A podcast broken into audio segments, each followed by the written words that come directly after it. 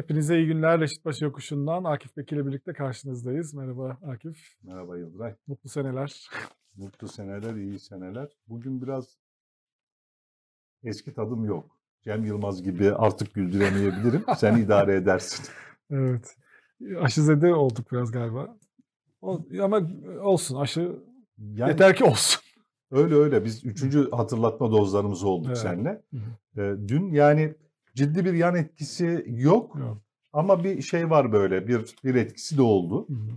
Ee, idare edilmeyecek kadar değil. Evet.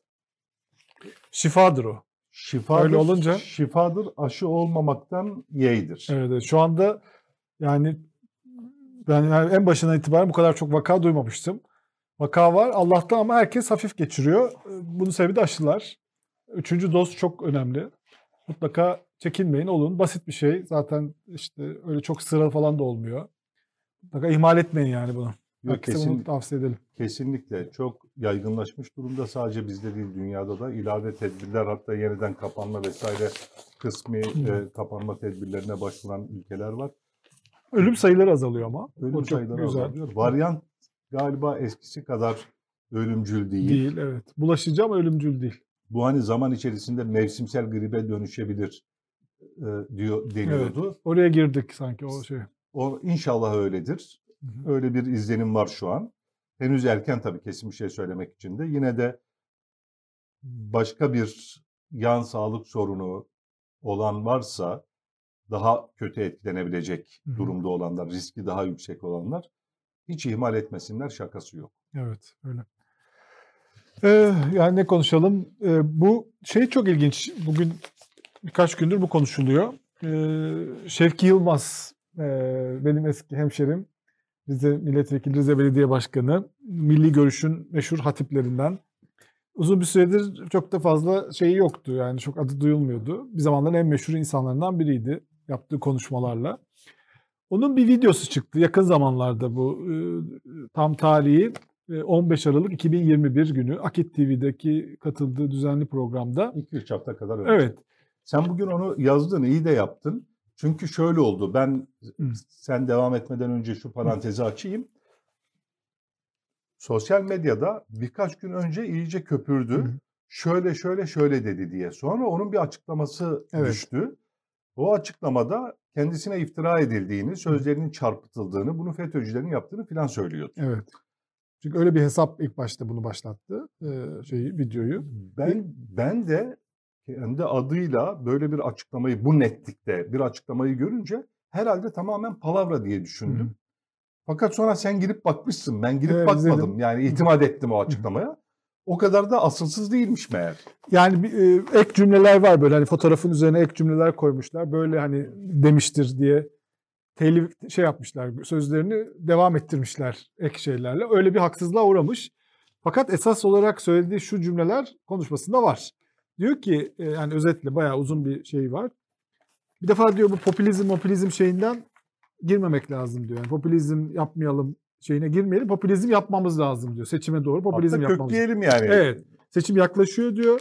Ee, bu ama diyor bu bu bir savaş diyor. Düşmana silah vermek ne kadar ihanetse düşmanın dolarıyla ekonomiyi çökertmek de o kadar ihanettir. Biz dolarsız domatessiz yaşayabiliriz ama devletsiz yaşayamayız. İşte popülizm var biz veremeyiz falan şeyleri bırakın diyor. En kritik yeri şu diyor ki e, işte onun için diyor 23 Kasım seçimlerine gelmeden 23 Kasım'da mı olacak seçimler? Ben onu O sanki 2023. Sür, sürçülisan var. Bence seyren söylüyor. 2023 diye herhalde karıştırıyor. 2023 demek istiyor Aynen orada. olabilir doğru. Ee, onun için 23 Kasım seçimlerine gelmeden AK Partisi kasanın ağzını açması lazım diyor. Efendim 700 ton altınımız var. Merkez Bankası'nda şu kadar dolarımız var diyorsunuz. Hı. Kime bırakacaksınız? Bu hırsızlara mı? Allah aşkına bunu yayacağız. Asgari ücret 4000 değil 5000 olmasını bekliyoruz diyor. Hükümete de şey de yapıyor. Yani hükümete de çağrılar yapıyor. Böyle yapın diyor. Memura verin diyor. Hatta normalde böyle AK Parti çevrelerine çok duyulmayan KHK'lılar diyor mağdurlar var diyor. FETÖ'zedeler var diyor. FETÖ yüzünden cezaevinde olanlar vardı. Bunlarla da diyor bir şey yapılması lazım. Seçmen ittifakına ihtiyacımız var diyor. Yani böyle genel olarak bir seçim kazanmamız lazım biz derken e, Merkez Bankası'nın altınları, dolarları ne varsa harcayın verin diyor. Tabii bu söz e, ve sonra da diyor ki peki ne yapacaksın diyor. Vermeyip ne yapacaksın? Bu hırsızlara mı bırakacaksın diyor. Orası işte Zaten olay bu. O Bunlar söz. ekleme değil değil mi? Yok bunlar aynen bu cümleler Şu aynısı. Var bir şey. Şu cümle onun için 23 Kasım seçimlerine gelmeden 2023'ü kastediyor. AK Partisi kasanın ağzını açması lazım. Efendim 700 ton altınımız var. Merkez Bankası'nda şu kadar dolarımız var diyorsunuz. Kime bırakacaksınız bu hırsızlara mı? Aynen burası var. Bu, bu ifade var. Şimdi bu ya AK Parti bir ekonomik model öneriyor. Hı hı. Diyor ki satıp savalım. Saçıp savuralım diyor. Önerdiği ekonomik model bu. Popülizm yapmayacağız filan bırakın bu işleri. Biz devletsiz yaşayamayız. Yani domatessiz, soğansız mı yaşayamayız? Dolarsız. Dolarsız, domatessiz yaşarız. İşte ekmek, soğan yeriz.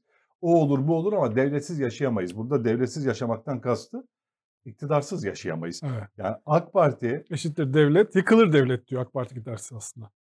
onu demiyor aslında. Bunlar bu, bu şöyle.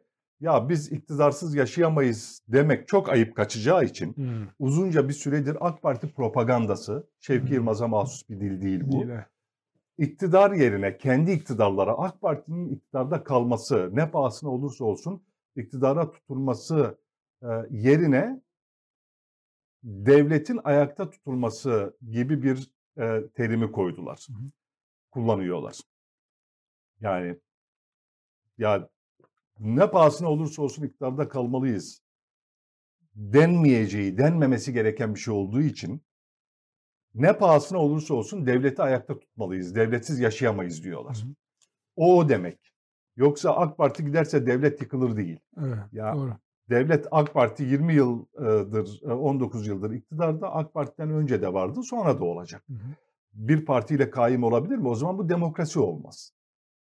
Yani bir parti kendisini devletle özdeşleştirecek. Diyecek ki hani devlet benim, ben varsam devlet var, ben yoksam yok. Olmaz öyle bir şey. Mahkeme kadıya mülk değil. Partilere de devlet mülk değil, kişilere de iktidar mülk değil. Yani kişiler, partiler gelir gider, devlet millet kalır. Burada e, onun yerine ikame edildiğini anlamamız lazım. Bu bir ikame terim. Onun yerine ikame ediyorlar. İkame de değil. Yanlış kullandım e, şeyi telaffuzu düzeltiyorum. E, ağrın üstünde şapka yok, yumuşatma yok. Bu bir ikame terim. terim. E, öbürü niye denmiyor? O zaman açıkça, dürüstçe çıkın deyin ki ya yani biz iktidarsız yaşayamayız. Hı hı. Bu o demek. Yani en çok takıldığım ifadelerden bir tanesi bu. Devletsiz yaşayamayız.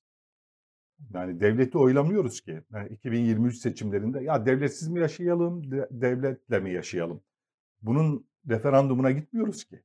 Bir de bu ne ara bu kadar devlet iktidar şeyi oldu? Yani Şevki Yılmaz en muhalif insan değil miydi? Yani bazı ba- ba- bayağı da devletle de kapı karşı karşıya gelmiş, belediye başkanlığı elinden alınmış falan, yargılanmış. Yani böyle konuşmalarla yıkacağız bu düzeni. Yani bayağı muhalif bir hani beğen beğenme bir figürdü. Yani ne ara bu kadar iktidarsız yaşayamayız noktasına gelindi ya. Yani e, Şevki Yılmaz'ın e, ve AK Parti kurucu kadrolarının geldiği siyasi gelenek sisteme muhalifti. Oy vermek bile bir Sistem tartışmalıydı değil mi? Yani versek mi vermesek mi bu Bir- sisteme? Bir, zamanlar öyleydi. Hı. Hatta şöyle şeyleri de vardı. Yani Cumhurbaşkanı'nın mesela e, iktidara gelmeden hemen önce Kanal 7'de çıktığı bir programda videosu dolaştı onun yakın Hı. zamanda. Sarf ettiği sözler var. Tanıklar diye bir programa konuk olarak e, çıkıyor Erdoğan. Orada diyor ki ya bu şuculuk buculuk yani Ahmetçilik, Mehmetçilik bunlar e, yok artık. Dünyada da yok. Biz de terk ettik. Böyle bir şey olmaz. Doğruyu yaptığı sürece bir partiyi, e, iktidarı ve kişiyi, lideri desteklersiniz. E, yanlış yaptığını düşündüğünüzde de desteklemezsiniz. Yani bu kadar basit. Ayrıca e, ideoloji devleti, ideoloji partisi de olmaz. Bunlar geride kaldı. Dünya bunları terk etti. Biz de evet geçmişte böyle yanlışlarımız oldu ama biz de bunları geride bıraktık. E, şeklinde sözler sarf ediyor. Oradan 20 yıl önce AK Parti böyle başladı. Şevki Yılmaz'ın senin söylediğin e, geçmişte temsil ettiği e, duruşu da terk etti. Yani o gömleği Hı. çıkardık dedi yola çıkarken. AK. Parti e, yola çıkarken e, söylediği şey Cumhurbaşkanı'nın buydu. Şimdi tekrar bırak hani ideoloji devletine, ideoloji partisine ya da Ahmetçiliği, Mehmetçiliği artık Ahmetsiz, Mehmetsiz olmaz. Ee, artık bizim fikrimiz iktidarda olmadan da olmaz. Görüşü nüksetti, e, tekrar ortladı. Yani Erdoğansız AK Parti, Erdoğansız Türkiye isteniyor. Böyle komplo teorileri var. Dış güçler, küresel güçler, işte içerideki işbirlikçi hainler filan buna çalışıyorlar. Böyle bir proje yürütüyorlar diye bir 5-6 yıldır zaten AK Parti propagandası bir rüzgar estiriyordu, bir yaygara koparıyordu. Cumhurbaşkanının AK Parti yola çıkarken, başlarken iktidara gelmezden hemen önce e, vaz ettiği temel ilkelere taban tabana zıt bir söylem bu. Taban taba tam tersi. Yani Erdoğancılığı Erdoğan kendisi reddederek hı hı. E, AK Parti'yi kurdu. Şimdi geldiğimiz yer kendi iktidarını devletle özdeşleştiren bir particilik var ve devletsiz yaşayamayız diyor. Yani iktidarsız yaşayamayız. Niye? Yani o zaman seçimleri niye yapıyoruz? Sandık niye var? Bütün bunlar tiyatro mu? Daha ilerisini oynuyoruz? söylüyor. Diyor ki yani bu iktidarı da korumak için ne var ne yok seçime doğru vermek lazım. Yani Merkez Bankası'nın altını 700 ton altın, dolarlar, hani biz 128 milyar dolar nerede diyoruz ya. Diyor ki yani o harca diyor zaten onları. Öyle bir 128 milyar dolar falan orada boş boşa durmasın. İktidar elden giderse hiçbir işe yaramayacak. Ne yapacaksın diyor. Kime bırakacaksın diyor. Bu hırsızlara mı? Yani burada diyor ki yani iktidar biz ya bizdedir ya değildir. Yani gerisi benden sonrası tufan. tufan. Yani biz olmayacaksak iktidarda hazine de tek kuruş kalmasın. Tam takır olsun. Ee, ge, bizim yerimize gelenlerin bırak enkaz devralmasını devralacağı hiçbir şey kalmasın evet. geride. Bırakmayalım. Düşman çünkü onlar yani. Rakip değil. O bayağı Tabii. düşman. Tabii. Hırsız diyor ama aslında düşman demek istiyor. Tabii. Şimdi hırsız meselesinde de Hayrettin Karaman'ın fetvası var biliyorsun. 2019 seçimlerinden hemen önce e, başladığı, sonra da devam ettirdiği bir fetvalar dizisi var. Orada diyor ki yani iktidara zarar verecekse eğer bizim iktidarımıza tırnak içerisinde zarar verecekse doğruları söylemek caizdir diyemem. Buna örnekler de veriyor kendince. Ne tür doğruları söylemenin caiz olmadığını da açıkça yazıyor orada. Diyor ki çürüme, yozlaşma, eş dost akraba kayırmacılığı, yolsuzluk, hırsızlık evet bunlar olabilir diyor. Bunlar yoktur diyemem. Ama bunları yapmak değil, bunları söylemek e, caizdir de diyemem. Hmm. Niye? E çünkü hırsızlık Her eskiden zaman. yok muydu? Bin Aynen. yıldır vardı diyor. Evet, evet.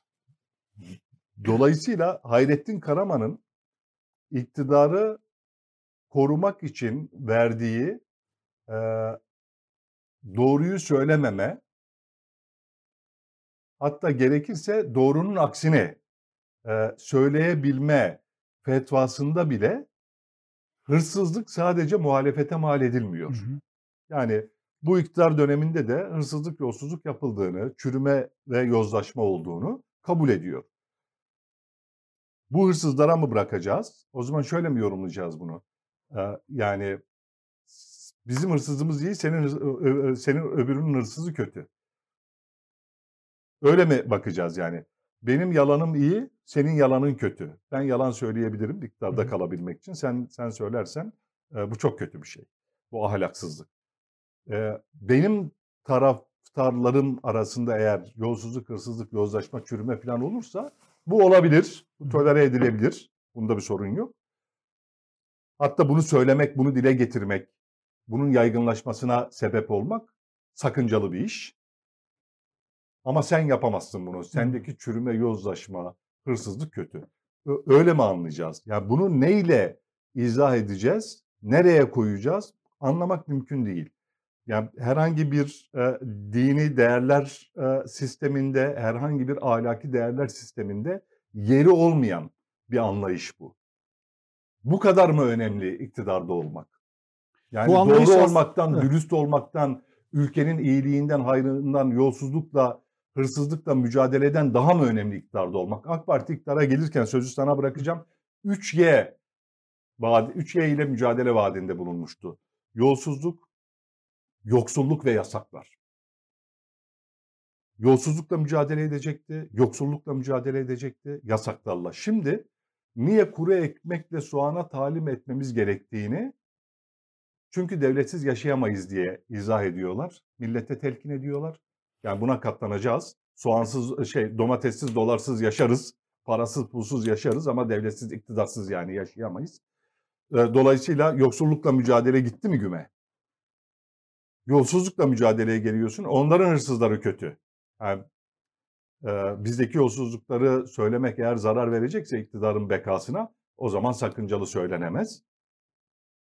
Yasaklar zaten yani devletin bekası gerektiriyorsa tabii ki öyle devletin bekasına zarar verecek özgürlüklere göz yumulamaz, müsaade edilemez. O zaman yasak konacaksa konur. Ne oldu peki 3Y'ye? Yani temel vaatlerini yerine getiremedikten sonra iktidarda kalmanın anlamı ne? Evet bir de bu tabii yani tabii Şevki Yılmaz artık eski bir siyasetçi. Yani öyle şey değil yani aktif görevi yok. Hani şimdi seyircilerin bir kısmı diyordur ki yani, yani konuşmuş işte Akit TV'de çok da önemli değil. Niye bu kadar çok şey yapıyorsunuz ama buradaki e, iktidara bakış, muhalefete bakış bu çok e, ilk defa bu Şevki Yılmaz'da gördüğümüz bir şey değil. O çok iyi ifade ediyor bunu. Yani iyi hatip olduğu için bir şekilde onu ifade eden bir konuşma yapmış oldu. Bu çok yaygın bir bakış. Yani normal demokratik sistemlerin dışına çıkmış durumda bayağı bir insan. AK Parti'de de çok sayıda kişi. Yani normal orada işte siyasi rakipler var, seçimler var. Seçimlerle iktidarlar değişir. Onlarla mücadele edilir. Onun dışına çıkmış durumdalar. Düşmanlar var karşı tarafta.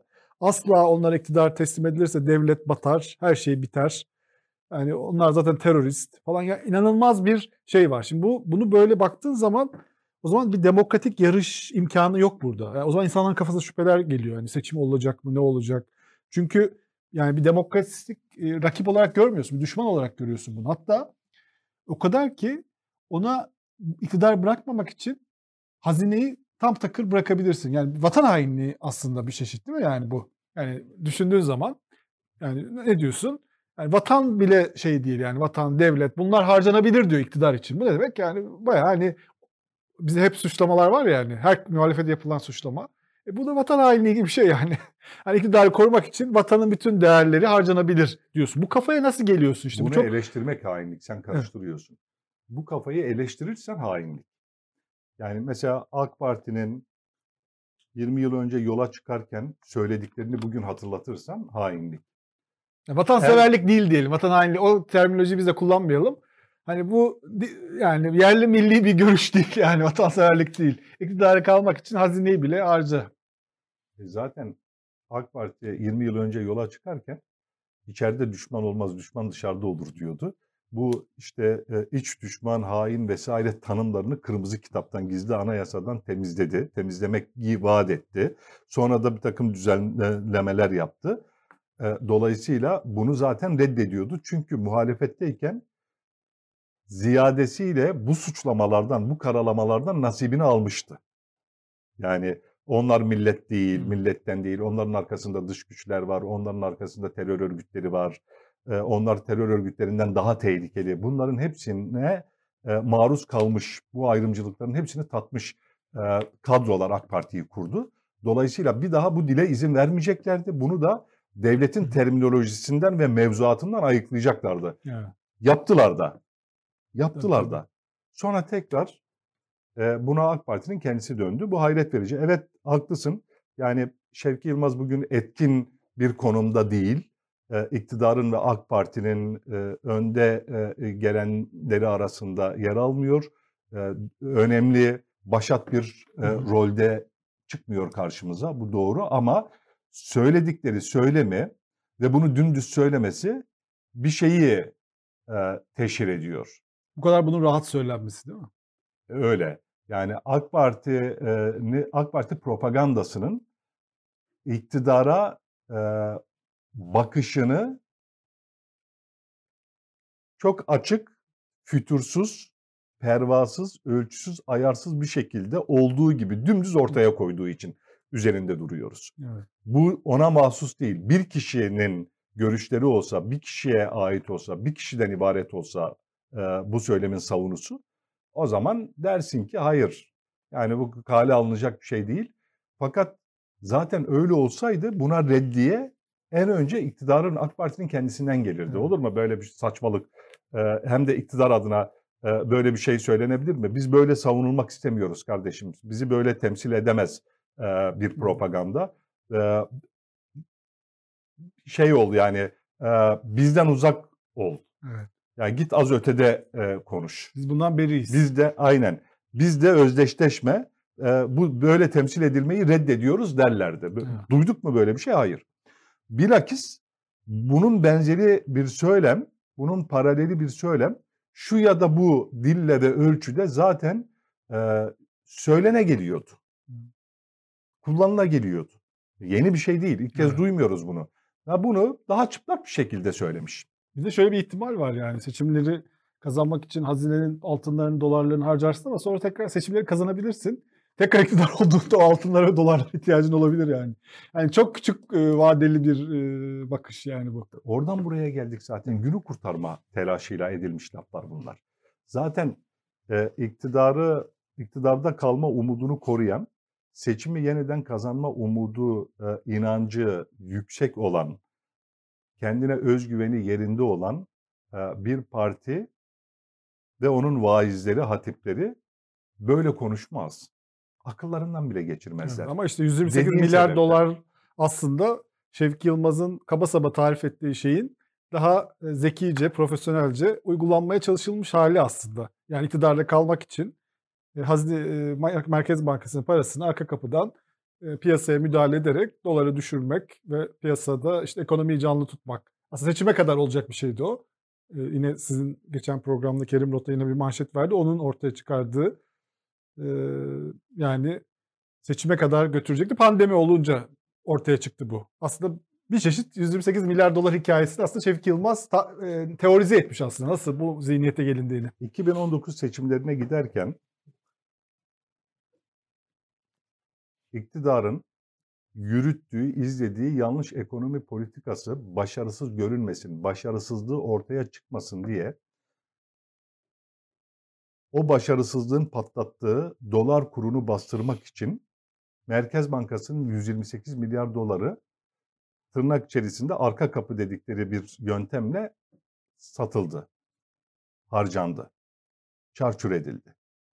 Sırf seçime giderken izlenen politika başarısız olmamış, olmayan bir başarı varmış gibi görünsün diye. Bunu böyle göstermek için. Şimdi peki ders alındı mı bundan? Seçimi kazandırdı mı? Hayır. 2019 seçimlerini kazandırmadı. Bu söylem, bu anlayış, bu yaklaşım kazandırmadı. Bunun AK Parti'nin kendisine ayrı yok. Zaten şimdiye kadar bu e, yöntemi, dili, anlayışı e, benimseyen hiç kimseye hayretmedi. Geçmişe baksa AK Parti kendisine karşı kullanılan yöntemlere baksa bunun yapanlara kaybettirdiğini, maruz kalana kazandırdığını kendi tecrübesinden bilirdi. Hadi oradan bilmedi. 2019 seçimleri öncesinde bunları yaparken hatırlatıldı bunlar. Hı hı. Bizler de hatırlattık. Bak yani geçmişte eğer bu e, işe yarıyor olsaydı e, AK Parti zaten hiç iktidara gelemezdi. Bırakın 19 yıl iktidarda kalmayı. Ya bu karalama, e, kara propaganda, karalama kampanyaları, bu tür alengirli işler, bu tür uyanıklıklar Özal'ın tabiriyle. Yani o kur korumalı Hı hı. e, mevduat e, projesi daha önce mesela Dövize uygulanmış. çevrilebilir mevduatken. DÇM. Ha, Özal bunun maliyetini e, son taksidi ödeyen adam olarak, o, onun getirdiği borç yükünün son taksidini temizleyen adam olarak bunun maliyetini anlatırken millete ya geçmişte bir takım uyanıklar, uyanıklar bunu çok e, parlak bir fikir zannedip yaptılar. Şimdi onun bedelini ödüyoruz, e, cehaletin bedelini ödüyoruz diye anlatmış. Bütün bunlar hatırlatıldı, gene de yapıldı. Yapana eğer kar etseydi, kazandırsaydı AK Parti zaten hiç iktidara gelmemiş olurdu. Fakat 2019'da yine de bunu yaptı. AK Parti'ye de kazandırmadı yine. En azından o zaman durması gerekmez mi bir partinin? Ya ülkeye kaybettiriyor, AK Parti'ye de kazandırmıyor bu. Hala aynı noktadayım. Bu anlayış, bu dil, bu söylem, bu yaklaşım bu dile getirilmese, telaffuz edilmese bile bunun uygulanması, yani bu anlayışla bir politika izlenmesi, yürütülmesi, söylenmese bile kazandırmıyor. Kime kazandırmıyor? Ülkeye zaten kaybettiriyor da nelere mal olduğunu görüyoruz. Ama yapana da kar etmiyor bu. Vazgeçmedi iktidar. Geçmediği anlaşılıyor. Şimdi Kerim Rota bizim pazartesi akşamı KRT'deki yayında Evet. e, Manşet verdi. Şey, e, manşeti verdi Bugün, ga- gazetecide. bugün gaz- galiba kararın manşeti buydu değil mi? Dün müydü? Bugünkü evet. Bugünkü manşet. Merkez Bankası 2021 senesinin son günü 70 milyar lira zararda görünürken bir anda o gün sihirli bir işlem yaparak 60 milyar lira kâra geçmiş hı. göründü bilançoda. Bilanço makyajı deniyor buna. Nasıl olabilir? Mucizevi bir şey, bir keramet gösterdi. Dolayısıyla biz Merkez Bankası şu an başarılı e, görüyoruz Karda. karda. Yani 70 gerçekte 70 milyar lira zararda kapatacağı bir yılı 60 milyar lira karla kapatmış gibi e, görüyoruz. Öyle gösterildi. Olmayan bir kar, olmayan bir başarı varmış gibi gösterildi. Gerçeği değiştirir mi bu? Ya göz boyayabilir, gerçeği değiştirir mi? Mesela halk ekmek büfelerinin önündeki kuyrukları ortadan kaldırır mı? Ona faydası var mı? Hayır. Avrupa, Amerika'da enflasyon patladı. %5 oldu, %7 oldu. Ölüp bitiyorlar e, deniyor. Battılar. Ama onlar batarken biz çıkıyoruz, şahlanıyoruz deniyor. Battılar mı? Yatmadılar. Ama gerekirse ekmeği ve bir ekmeği e, yarıya düşürmeyi, gerekirse soğan ekmek yemeyi e, göze alması gereken de biziz. Bu da bize söyleniyor. Açlıkla sınanma durumunda kalan da biziz. Niye onlar değil? Madem onlar battı, madem enflasyon orada orada, onlar yüzde beş, yüzde yedi enflasyonla eğer ölüp bitiyorlarsa, batıyorlarsa bizde resmi enflasyon bile tüketici enflasyonu yüzde otuz altı TÜİK'e göre üretici enflasyonu da yüzde seksenle e, bitti. Değil mi? Evet. Ya peki yani yüzde beş ile yedi ile onlar eğer can çekişiyorlarsa, ölüp bitiyorlarsa ölüm kalım savaşını niye biz veriyoruz? Bu da söyleniyor. Hem şahlanıyoruz, hem yıldızımız parlıyor, hem de ölüm kalım savaşı veriyoruz. Bu ikisi aynı anda nasıl olabiliyor? Ne kadar göz boyarsan boya, olmayan bir başarıyı hangi kerametler izhar ederek, hangi sihirli e, yöntemlerle, hangi, hangi gizemli işlemlerle e, olmayan bir başarıyı varmış gibi gösterirsen göster. Gerçeğin yerini tutmuyor ki. Yani açlıkla sınananın karın gurultusunu bastırmıyor ki. Ekmek kuyruklarını ortadan kaldırmıyor ki. Yani bu kadar basit bir şeyi nasıl anlayamaz, kavrayamaz? Bu idrakten nasıl uzaklaşılır? İnan bana anlamakta en zorlandığım şey bu. Yani sen aslında toksun dersen aç adamın açlığı bastırılır mı? Gider mi? Yemiş gibi olur mu? Yani sen ya Yıldıray toksun aslında. Ya Cem Yılmaz aslında bana göre eğlenceli ve komikti. İzledim onu söyleyeyim. Hmm. Onu konuşacağız sonra. Cem Yılmaz e, artık güldürmüyor diyelim. Eski, Eski tadı, tadı yok. yok. Eski tadı yok. Ya çok güldürdü dersen güldürmüş gibi olur mu? Olmaz. Ya güldürüyor. Komikse komiktir, değilse değildir. Ya çok komikti. Öyle komikti, böyle komikti. Gül gül Nasıl öldük. gülmezsin kardeşim? Gül gül öldük ha yerlere yattık filan. Ölüyü güldürür bu adam ya. Ya o alem bir adam öyle böyle değil filan dersen ölüyü güldürmüş gibi olur mu? Olmaz ki. İstediğin kadar sabah akşam bütün propaganda makinenle bağır. İstediğin yaygarayı bas. Bütün fanfar ban- takımın e, e, her türlü çığırtkanlığı yapsın. İstediğin cayırtıyı kopar. Sen aslında toksun dediğin adam açsa açlığı gider mi? Ya ben aslında tokmuşum diye duyduğuna mı inanır? Senin söylediğine mi inanır? Karnından gelen gurultuya mı? Çok boş bir iş. Çok boş bir iş. Havanda su dövüyor iktidar. Yani bu propaganda havanda su dövüyor. Çok üzücü. AK Parti bunun farkında, bilincinde bir parti olarak başladı. Söylemlerinde, her şeyinde bu vardı. Ekonomi, güven ve istikrar olmadan olmaz diyordu. Demokrasi ve hukuk olmadan ekonomi olmaz. Geçen yıl bu zamanlar bile Cumhurbaşkanı, Hazine Maliye Bakanı, Adalet Bakanı bunları söyledi yine. Demokrasi ve hukuku toparlamadan ekonomi toparlanmaz dediler. Onun için demokrasi ve hukuk reformları yapacağız dediler. En son Cumhurbaşkanı iki konuşmasında bir küçük söylem değişimi var. E, önce Bakanlar Kurulu toplantısından sonra enflasyon için üzücü dedi. Üzülüyoruz dedi. Yani halkımız böyle bir enflasyonla şey olduğu için. Dün de o parti teşkilatı il başkanları toplantısı galiba genişletilmiş il başkanı toplantısında yine bu bize yakışmıyor. Biz bunu düzelteceğiz dedi. Yani bir tür inkardan tekrar kabul etme aşamasına geçilmiş gibi görünüyor. En azından bu şimdi TÜİK rakamlarında bile Türkiye dünyanın en kötü 8. enflasyona sahip olunca ve üstündeki ülkeler içerisinde en hani değerli toplusu Arjantin. Diğerleri savaş olan ülkeler yani Suriye, Sudan falan böyle ülkeler var yani orada. Somali, Zimbabwe. E şimdi o listede yani ne işi var Türkiye'nin? OECD'de en dipte. OECD'nin ortalamasını düşürüyor Türkiye. Enflasyon ortalaması OECD'nin 4.2 olacakken 5.5 oluyor Türkiye yüzünden. Yani inanılmaz yüksek Arjantin'le beraber. Ee, o yüzden inkar edilecek aşamayı geçti. Herkes de bunu görüyor. Yani alışveriş çıkan hani kooperatif bilmem ne de kurtarmadı. O market falan vardı ya bir tane. Şimdi kimse bahsediyor mu ondan uzun yıllar, zaman, aylardır kimse bahsetmiyor ondan. Öyle bir aşamaya sanki gelindi ama e, nasıl buradan çıkılacak? Mesela Sabah gazetesi diyor ki şey yapılacak yani hani bir köpüğünü alınacak diyor. Bir yine bir yumruk vurulacak buna. Aynı 20 Aralık dolar düşürüldüğü gibi enflasyon düşürülecek. Emirle enflasyon düşürülmesi düş bekleniyor şu anda. Ya Merkez Bankası nasıl 70 milyar lira zarardan kağıt üstünde 60 milyar lira kâra geçirildiyse benzer yöntemlerle dolar 18 e, lira üstünden e, işte 13 küsür liralara indirildi. Yani miş gibi yöntemiyle indirildi. Hazine ve Maliye Bakanı Nebati dedi ki ya şaşırdım dedi. Cumhurbaşkanı konuşunca takır takır inmeye başladı. Lan nasıl dedim. Lan nasıl? Şaşırmış. Lan nasıl dedim. Sordum biz ya mi yaptık? Biz, biz bir şey yapıyor muyuz? Yok biz hiçbir şey yapmadık. 128 milyar dolar da böyle satılmıştı biliyorsun değil mi? Bak biz hiçbir şey yapmıyoruz. Merkez Bankası bir şey satmıyor. Gizliden arka kapıdan onun için satıyor. Biz hiçbir şey yapmıyoruz. Piyasa içerisinde bu yani Vatandaş oluyor. satıyor. Vatandaş iktidara güvendiği için e, düşüyor. Öyle olmadı da ortaya çıktı. Ha, ya dolar onun için yükselmiyor. Öyle olmadı ortaya çıktı. Şimdi gene öyle oldu e, ortaya çıktı. Gene aynı şey olmuş. Yani Merkez Bankası ve BDDK bilen rakamları açıklanıyor haftalık. Ekonomistler oraya bakıp gösterdiler. Rakamları koydular ortaya. Yok.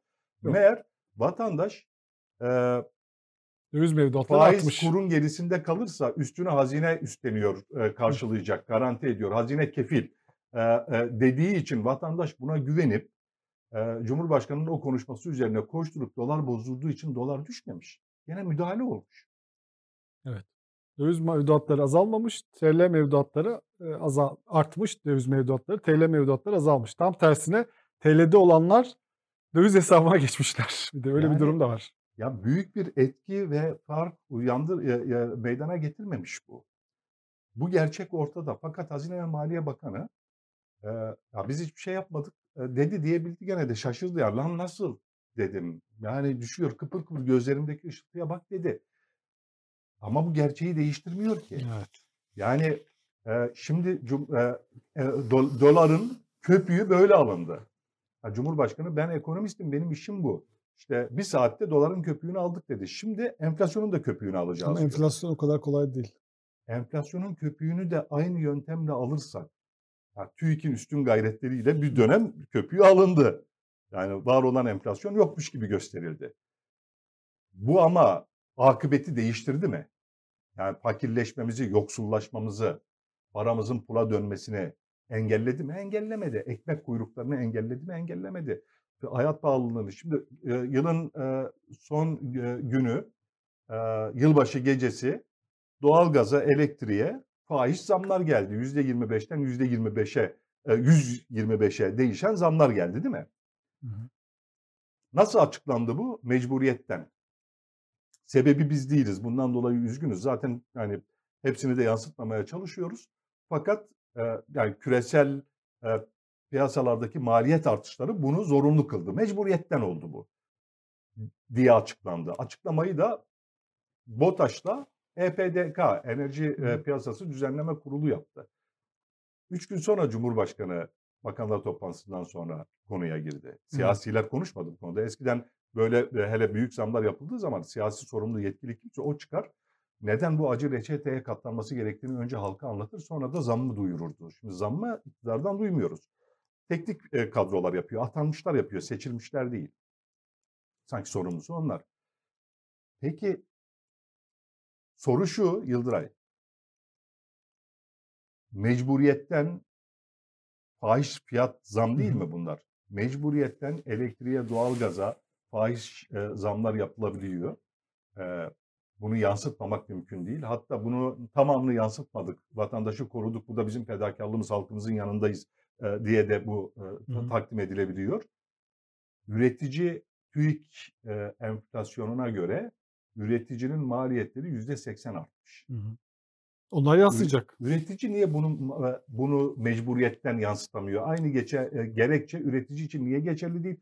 Üretici bunu etiketine, maliyetine, e, fiyatına yansıttığında fahiş fiyat diye niye fırsatçı, ihbar ediliyor. Niye fırsatçı oluyor?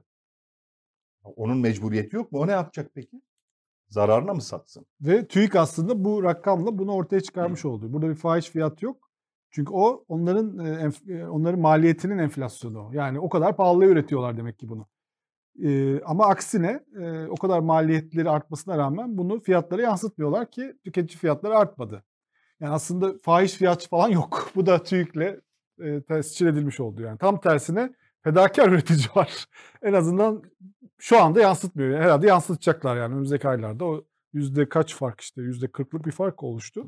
O yüzde kırk farkı yavaş yavaş fiyatlarda göreceğiz. Yani farta furtayla e, korku ve baskıyla fiyatlar bastırılıyor. Bastırıldığı halde burada.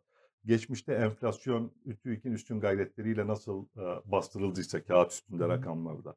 Onun gibi bastırılıyor. Şimdi rezervler erirken Cumhurbaşkanı ben yoktum dedi. O zaman Cumhurbaşkanıydım. Biz yükseltmiştik dedi.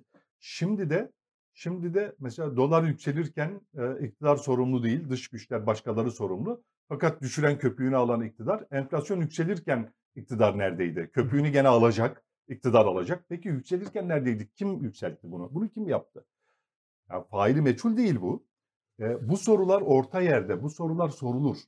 Yani miş gibi yapmak, olmayan başarıyı varmış gibi göstermek, olan başarısızlığı yokmuş gibi göstermek gerçeği değiştirmiyor. Bunlar beyhude işler. Hı hı.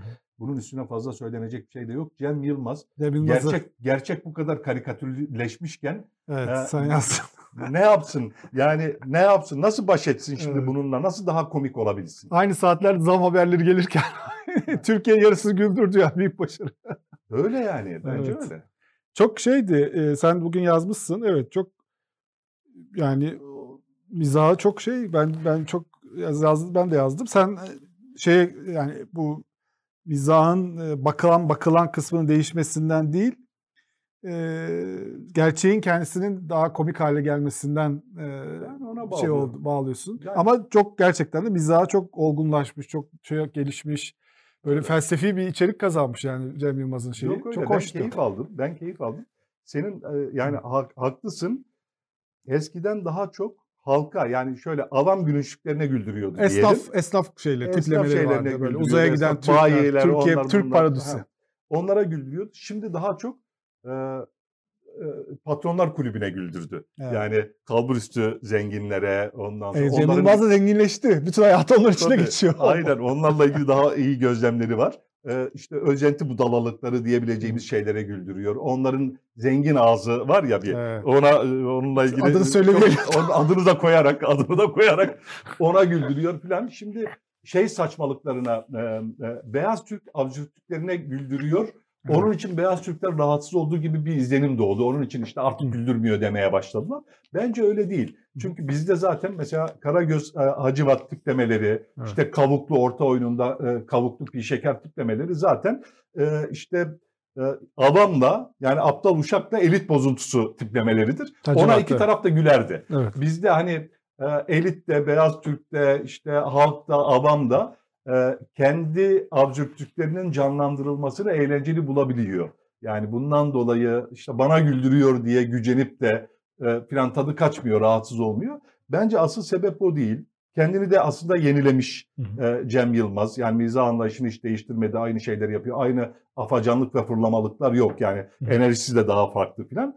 Fakat arkadaş memleket e, değişti. Gerçek çok karikatürleşti. Yani bununla baş etmek çok kolay değil. Evet. İzlemeyenlere tavsiye edelim. Güzel yani. Ee, inşallah devam eder şeye, şovlarına. Böyle bitirelim bugün. Böyle yapalım. Ee, aşı, Biraz ikimizde de evet, aşı mağmu, mamurluğu var, şeyler- nane mollalığı var. Ee, onun için izleyiciler mazur görsünler. Eski tadımız olmayabilir. Ya, güzel oldu. Ee, artık sağlık. güldüremiyor olabiliriz Ya ama senin zaten bu şeyi hasta performansı bile böyleyse ağzına sağlık. Reşit Paşa. Yokuşlar'ın bugün de sonuna geldik. Haftaya biz yine burada olacağız. Hepinize iyi günler. hoşçakalın.